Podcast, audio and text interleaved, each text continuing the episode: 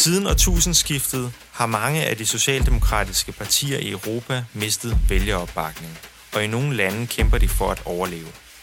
Mit navn er Niels Fuglsang, jeg er socialdemokrat og medlem af Europaparlamentet, og jeg spørger i denne podcast-serie mine socialdemokratiske kollegaer fra Europa, What's Left? Hvad består den socialdemokratiske krise i, og hvordan kan vi komme tilbage på sporet? I syv podcasts, der har jeg spurgt mine socialdemokratiske kollegaer om, what's left for Socialdemokratiet i Europa. Øh, vi har været i Frankrig og Tyskland og Portugal og Sverige og Italien og Storbritannien. Øhm, og vi har også talt med Poul Nyrup Rasmussen øh, her i podcasten. Og øhm, nu er vi nået til vejs ende, så vi skal prøve at se, om vi kan blive klogere af øh, de ting, de samtaler, øh, som jeg har haft med, med gode socialdemokrater øh, om vores krise, om Socialdemokratiets krise, og øh, om øh, hvad vejen kan være herfra. Øhm, og derfor så har jeg i det sidste afsnit her af podcasten, der har jeg inviteret min øh, medarbejder Rasmus med i studiet. Øh, hej Rasmus. Hej så. Øhm, fordi jeg tænkte, Rasmus, du har jo, altså det er jo dig, der sådan set har produceret den her podcast, og øh, fundet ud af, hvad vi skulle spørge om, og, og lavet research, og fulgt med, og klippet, og alt det her. Så jeg tænkte, du har jo rimelig, du har jo fulgt det, det tæt, og derfor vil jeg egentlig overlade øh, spørgerrollen til dig. Yes, tak for det, Niels. Øhm, ja, du har jo været rundt i, i hele Europa, som du siger, og, øh, og udfordret dine din, øh, kolleger her i Europaparlamentet med nogle øh, spændende øh, og eksistentielle spørgsmål. Og, øh, og nu kan vi jo så passende øh, vende pilen den anden vej og, øh, og spørge dig, Nils, what's left? Kan jo passende starte med økonomien. Øh, og, øh, og du fulgte jo faktisk et råd, som Poul Nyrup han gav dig, da du snakkede med ham på hans kontor i København. Ja. Øh, han sagde, at, at, øh, at øh, samarbejdet med, øh, med amerikanerne, det skulle revitaliseres, og øh, han pegede selv på, øh, på øh, økonomiprofessoren Josef Stiglitz, øh, Nobelprisvinderen, øh, som en af dem, han har brugt meget og, og ragt ud til dengang han, øh, altså Paul Nyrups, var hernede i Europaparlamentet. Øh, og du fulgte jo faktisk øh, Pauls råd og, øh, og gav øh, Stiglitz et, øh, et kald på en, på en lidt rusten, øh, du fik fat i ham på en lidt rusten linje fra, øh, fra USA, men, øh, men jeg, jeg synes... Fangede, jeg fangede ham vist lige på en mobiltelefon. Ja, øh, men, men hvis man nu lige lytter godt efter, øh, så tænker jeg, at vi lige skal høre et, øh, et klip øh, fra, fra den samtale. Um, I think part of the failure of the uh, social democratic movement, uh, the center left movement uh, more generally, and the Democratic Party in the United States, is that for a long period, they embraced uh, a uh, economic model uh, that was not that different from that of the right. Uh, uh, they embraced uh, an economic model that believed in trickle down economics, that brought into austerity. And so, in the end, uh, while their values were markedly different those on the right, they didn't manage to deliver.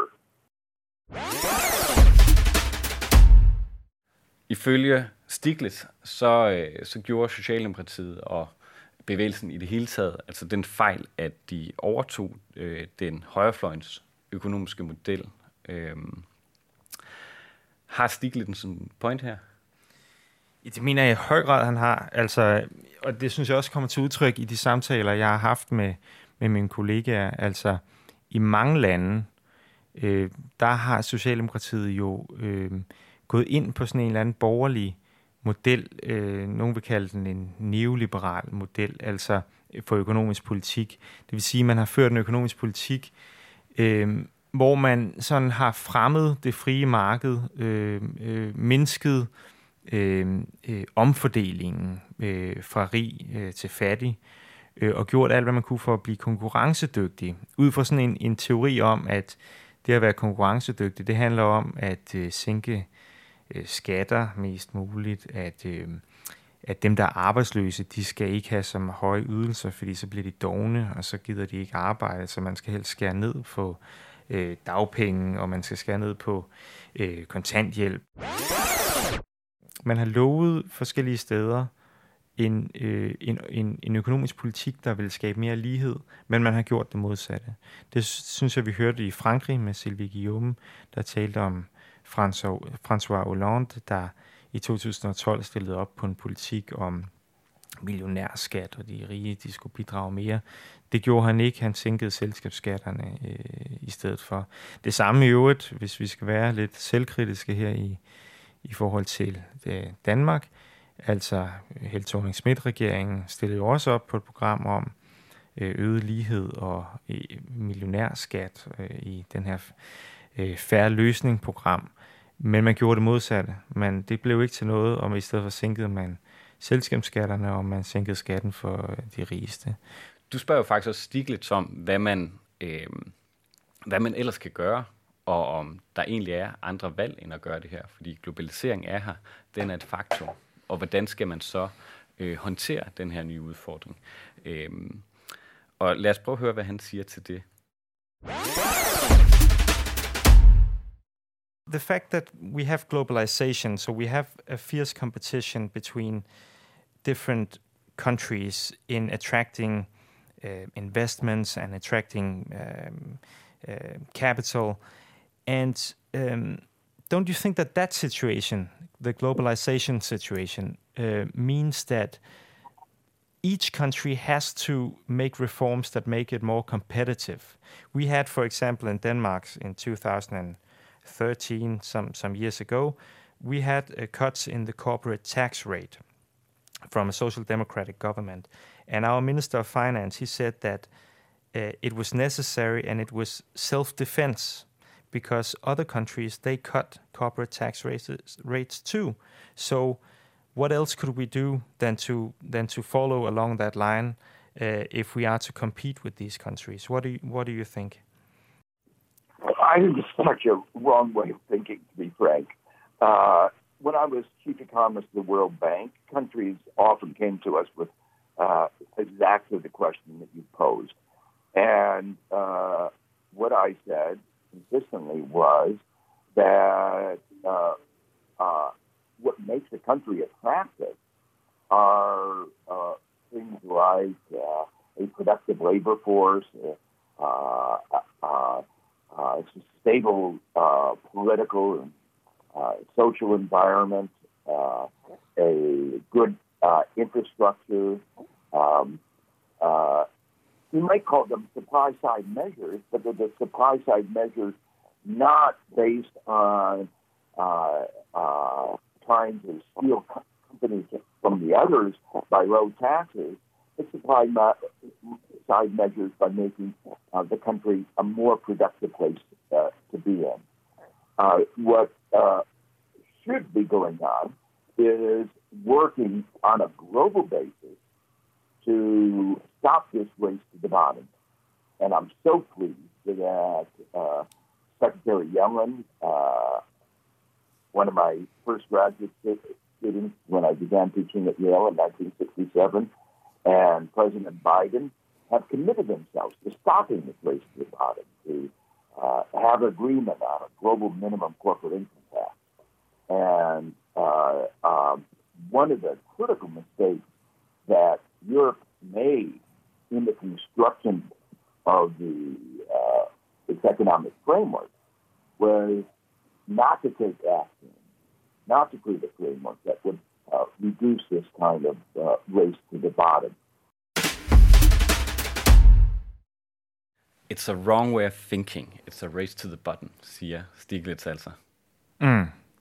Ja, øh, altså det, og det tror jeg jo, det tror jeg, han åbenlyst har ret i. Altså, det er et race mod bunden, øh, den her form for politik, fordi øh, altså, du kan tage selskabsskatteretten, som, som øh, vi taler om her med, med Stiglitz.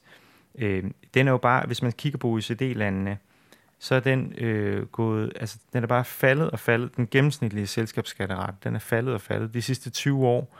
Øh, jeg mener, at den var øh, omkring 35 procent øh, gennemsnitligt for øh, i 90'erne, øh, og nu er den altså gennemsnitligt 22 procent i OECD-landene.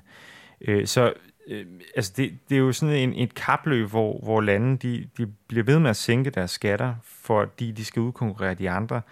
Øh, men ingen vinder, det vil sige, jo, der er nogen, der vinder. De store selskaber, de, de vinder. De skal betale mindre skat. Øh, men samtidig udhuler vi jo vores velfærdssamfund. Og hvis Socialdemokraterne går med på den der tankegang, og det har de gjort, og det synes jeg, øh, mine samtaler har vist også, øh, at det har Socialdemokrater rundt omkring i Europa gået med på den tankegang, så er vi jo, så er vi jo færdige. Altså så er, så er vi givet op, så er vi overtaget øh, nogle andres ideologi.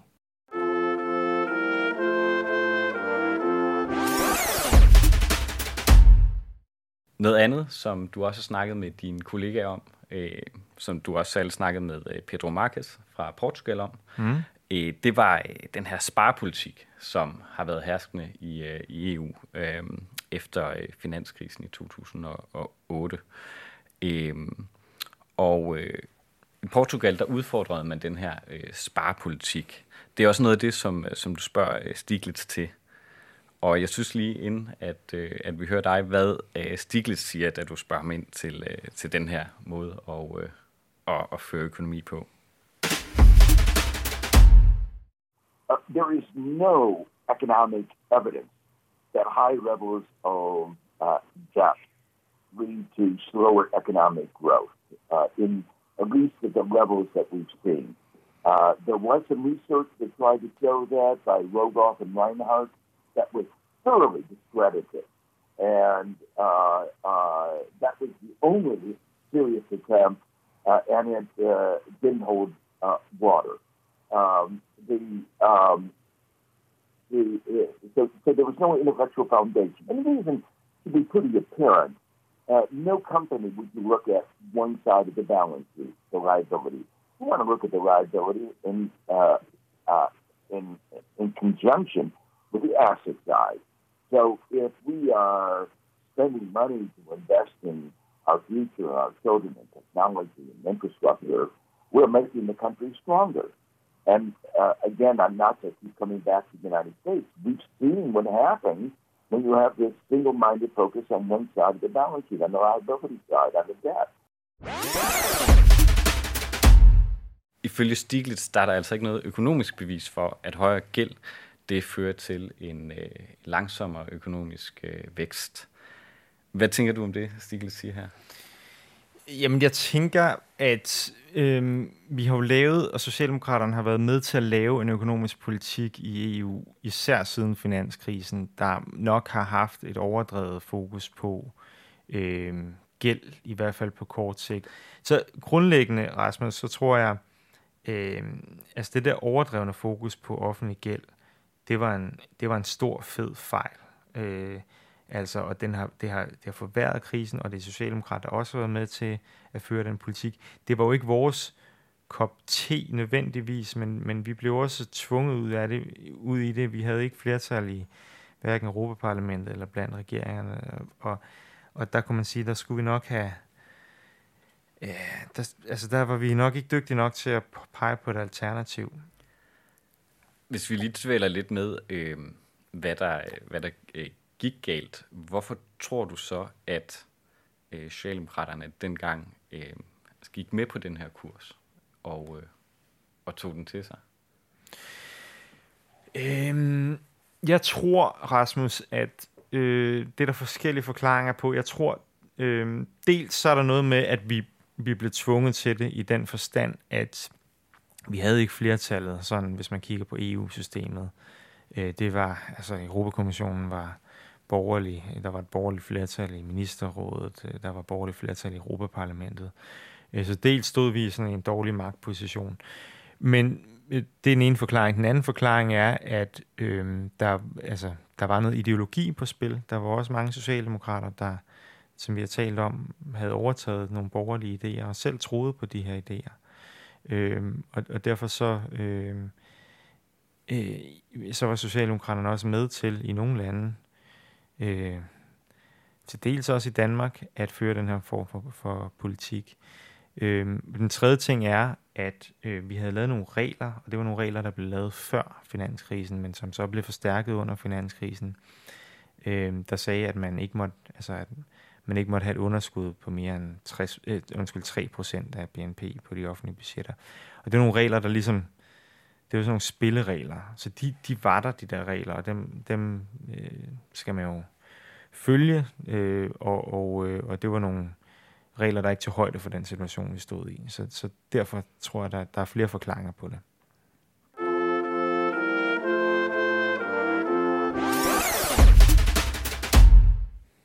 Et andet område, som mange socialdemokratiske partier i Europa slås med, det er spørgsmålet om immigration. Og øh, jeg tænker, at vi lige kan høre, hvad din øh, kollega, øh, Katarina Barley fra Tyskland, hvad hun sagde, da, da du snakkede med hende. I think the point is you have to make it work on the ground. And if you do, um, it, it, it works out with the voters also.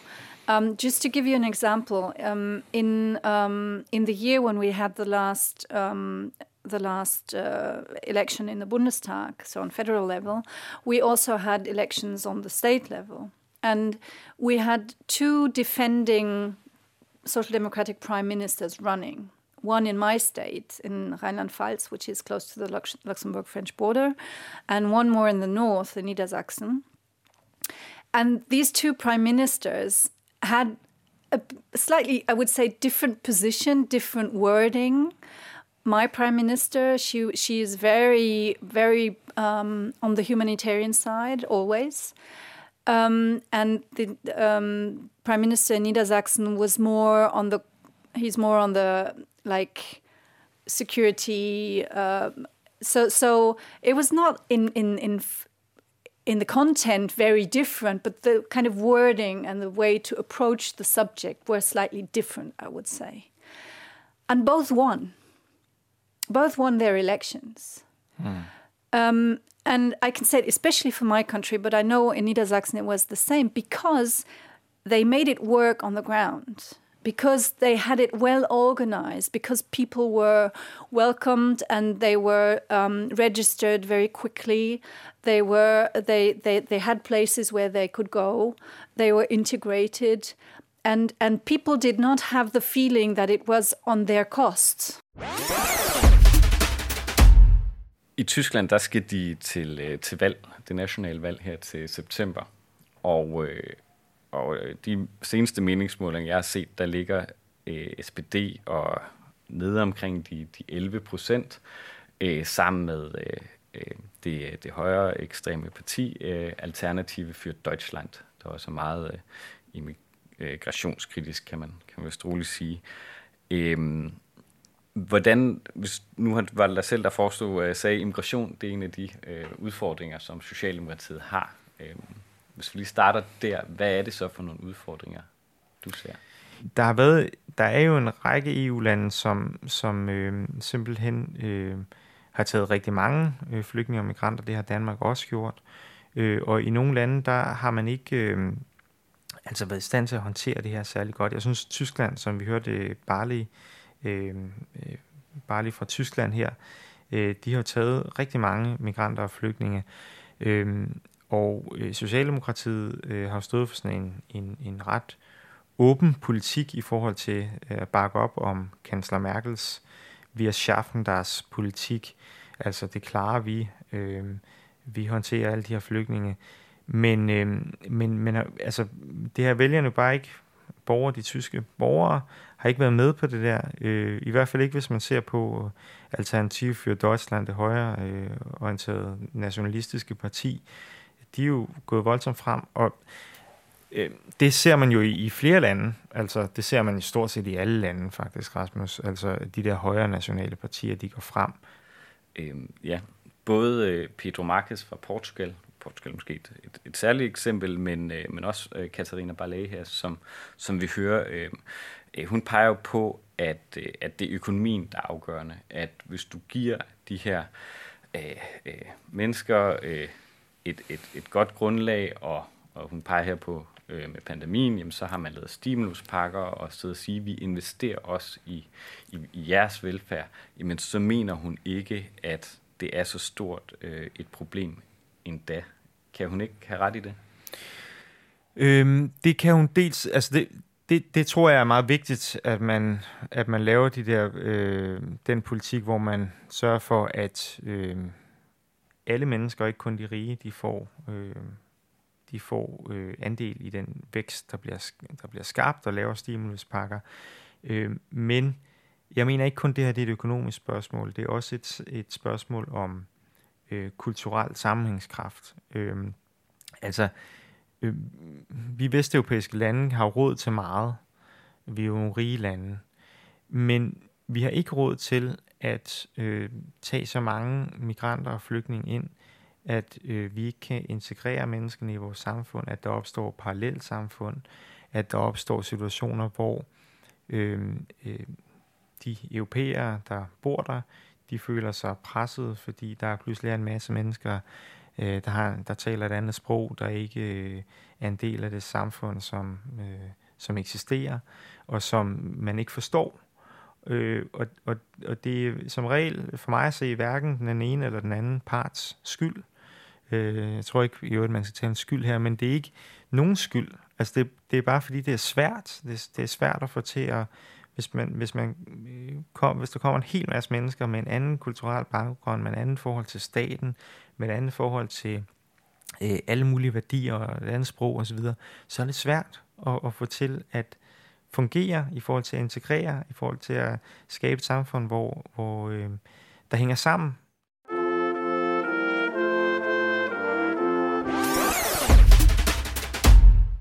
Så lad os springe til, til klimaet. Klima er jo også en af de dagsordner, som, øh, som står højt, øh, og gjorde det ved øh, Europaparlamentvalget øh, i 2019. Øh, det var, øh, viser den seneste øh, valgundersøgelse jo sådan set, øh, ifølge dem i hvert fald, startskud til, øh, at vi også fik et klimavalg i Danmark. Og det er også øh, noget, vi ser i resten af Europa. I Tyskland, der står øh, det grønne parti øh, meget stærkt, og i Frankrig, der, øh, der overvejer de, øh, de franske socialdemokrater at gå i koalition med det grønne parti, fordi det er, er den eneste måde, de ser en, en vej til øh, magten. Øh, så jeg synes, øh, jeg synes lige, vi skal høre, hvad øh, din franske kollega Sylvie Goyem, øh, hun siger øh, øh, til det her, og hvordan hun ser Socialdemokratiets rolle i, i forhold til klimaet. the card we have uh, again is to have uh, the, the, the, the, the those bodies that we can count on, syndic- uh, uh, trade unions, um, NGOs, and and elected people at regional and local uh, level that can help to understand what's going on and not let things going worse and worse. But because the, the Yellow Vest movement raised very violently, and I, I disregard what went on uh, afterwards, which was somehow racist or anti-Semitic or whatever, violent or extreme right, and uh, but uh, it it raised on on no comprehension because nobody was there to say that uh, we have to, to, to, to, to act on climate, but we have to understand what is the difficulty to, to live in the suburbs, to live in the, in the countryside without having a salary or whatever. Mm. Those, we can, we as I, I, I hope, I still hope that we as, as social democrats, we have that card of being a go-between. Har Guillaume fat i noget her? Skal Socialdemokraterne være sådan en, øh, en go-between imellem de her to øh, verdener, som hun stiller op her? Jeg synes både og. Øh, jeg synes jo, at klimaet, øh, det bliver vi nødt til at prioritere øh, meget, meget højt. Øh, altså, vi kan ikke forhandle med, med klimaet, og øh, vi ved, at, at hvis vi ikke øh, altså går virkelig radikalt til værks, øh, på meget kort, altså, og vi har ikke lang tid til at gøre det, så når vi simpelthen ikke at leve op til Paris-aftalen. Men jeg synes, hun har helt ret i, at, og det er også derfor, det er en kæmpe udfordring, det her, at vi kan jo ikke lave nogle politikker, som bare stiller øh, Øh, den lavere middelklasse øh, ringere, når vi hæver prisen på benzin, som man gjorde i Frankrig, så øh, kan mennesker ikke få deres økonomi til at hænge sammen, øh, og så øh, får vi de gule veste. Øh, så vi, vi bliver nødt til, altså jeg tror, vi skal gå radikalt til værks, men vi skal øh, samtidig gøre det på en en socialt balanceret måde, og det er svært. Det er virkelig, virkelig svært. Øh, men det handler jo om, at vi skal have de rige til at betale mere for, for det her, øh, for mig at se.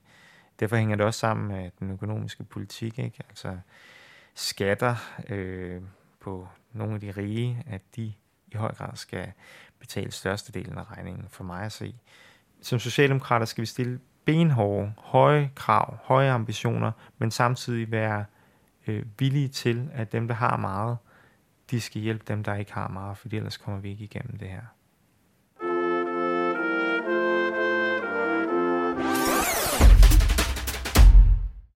Det var lidt om, hvorfor øh, den røde rose er visnet. Hmm. Øhm, du det er en på, trist historie.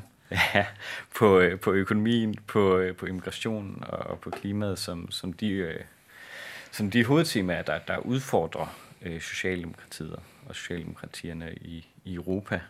Men så øh, kan jeg jo også passende spørge, som du også har spurgt dine, dine europæiske kollegaer her, hvad er så vejen frem for de europæiske socialdemokrater? Er der overhovedet en vej frem, eller, øh, eller kan de lige så godt øh, give op? Men det er jo rigtigt, at, at det er en pessimistisk historie i den forstand, at vi... Øh, jeg har jo lavet den her podcast også med udgangspunkt i, at jeg har siddet og kigget rundt i gruppelokalet her i, i blandt Socialdemokraterne, øh, og kan jo konstatere, at vi var færre end sidste gang, og sidste gang var vi færre end de gode gamle dage, og det, det går rigtig dårligt. Vi har jo været inde på det i mange lande, altså går det jo rigtig dårligt for Socialdemokraterne, og, og Danmark er en af de få øh, undtagelser. Det var jo Winston Churchill, der sagde, never waste a good crisis. Og man må sige, med coronakrisen er der jo, er der jo øh, nye boller på suppen. Øh, vi har ikke håndteret den her krise, som vi håndterede finanskrisen. Øh, vi har ikke lagt op til den der sparepolitik, der var ødelæggende. Vi har tværtimod investeret øh, Øh, og vedtaget altså den største investeringspakke i EU nogensinde. Øh, og sagt, at de penge, de skal i høj grad gå til klima og grøn omstilling og digital omstilling. Det er jo ikke de borgerlige idéer, det er vores idéer. Øh, og det er øh, jo øh, en politik, man har lavet med udgangspunkt i, man kunne se det andet. Den neoliberale tilgang, sparepolitikken, øh, var en fejl. Det var noget, der simpelthen slog fejl øh, og forværrede den situation, den krise, man stod i dengang. Øh, på samme måde med klima, vi har lige vedtaget en klimalov. Øh, 55% reduktion af CO2 i 2030. Vi skal til øh, de kommende måneder at øh, sørge for at vedtage den lovgivning om vedvarende energi og energieffektivisering og krav til biler og alt det her, der sørger for, at klimaloven skal leve op til, sine, til sit navn øh, og, og, og leve op til vores reduktionsmål. Øh, det kræver regulering af markedet, det kræver, at vi stiller store krav, øh, og at vi ikke bare siger, at det skal markedet nok klare, sig, klare af sig selv. Det er ikke de borgerlige idéer, det er vores idéer. Øh, og på samme måde, noget af det, som Stiglitz nævnte, øh, da jeg talte med ham, øh, det her med minimum selskabsskatter. Altså, vi har i 100 år haft et selskabsskattesystem, øh, der, der er... Øh, der er blevet for, mere og mere forældet, eftersom verden er blevet mere globaliseret øh, fordi at øh, det bygger på, at der hvor man er registreret, øh, ja, der kan man øh, betale skat, og det vil sige, at virksomheder, de øh, registrerer sig bare der, hvor der er lavet skat, og øh, så betaler de, øh, de her store, de allerstørste virksomheder, og de digitale virksomheder, Facebook og Google og Apple osv., betaler ingenting øh, stort set. Øh, skulle vi lave om på det? Ja, det har vi jo kæmpet for i lang tid.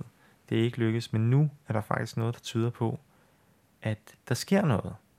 Øh, vi har øh, i OECD-landene, og med Europaparlamentet, jeg var selv ordfører på sagen for Socialdemokratiet, øh, også bakket op, vedtaget, at nu vil vi have en minimum selskabsskat, så man ikke bare kan flytte rundt der, hvor skatten er lavest. Og det øh, er jo et spørgsmål om, at de her virksomheder også skal bidrage.